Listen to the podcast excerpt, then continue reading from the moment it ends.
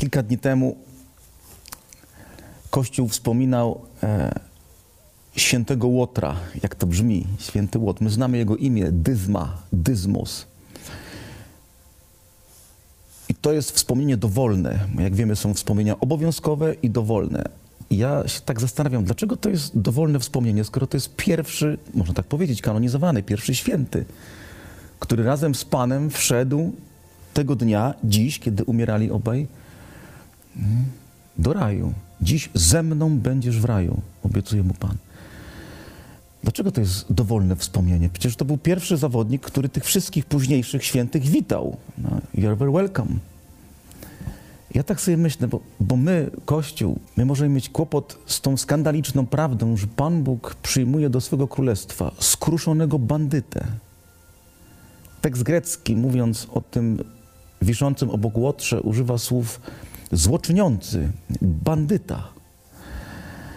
Więc możemy się trochę z tym zmagać, prawda, że skandal miłosierdzia idzie tak daleko, że przebacza w ostatniej sekundzie życia komuś, kto źle czynił.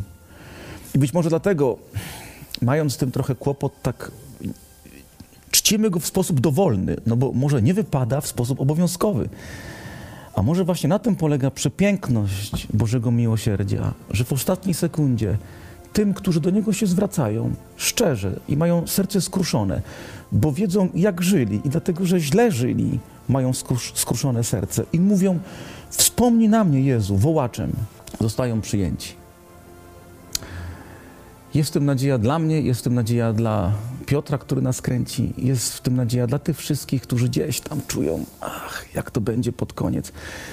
Jeżeli mam poczucie e, wielkiego pragnienia miłosierdzia, jeżeli mam poczucie grzechu, który gdzieś tam się we mnie rozlał, to Ewangelia, która mówi, że Pan Bóg kocha złego, chce mi powiedzieć, że tam jeszcze bardziej obficiej chce się rozlać łaska. Żebym on to pamiętał, szczególnie wtedy, kiedy czuję, że łamiane są kości, bo przyszło na mnie trudne doświadczenie, tak jak teraz na mnie. Amen.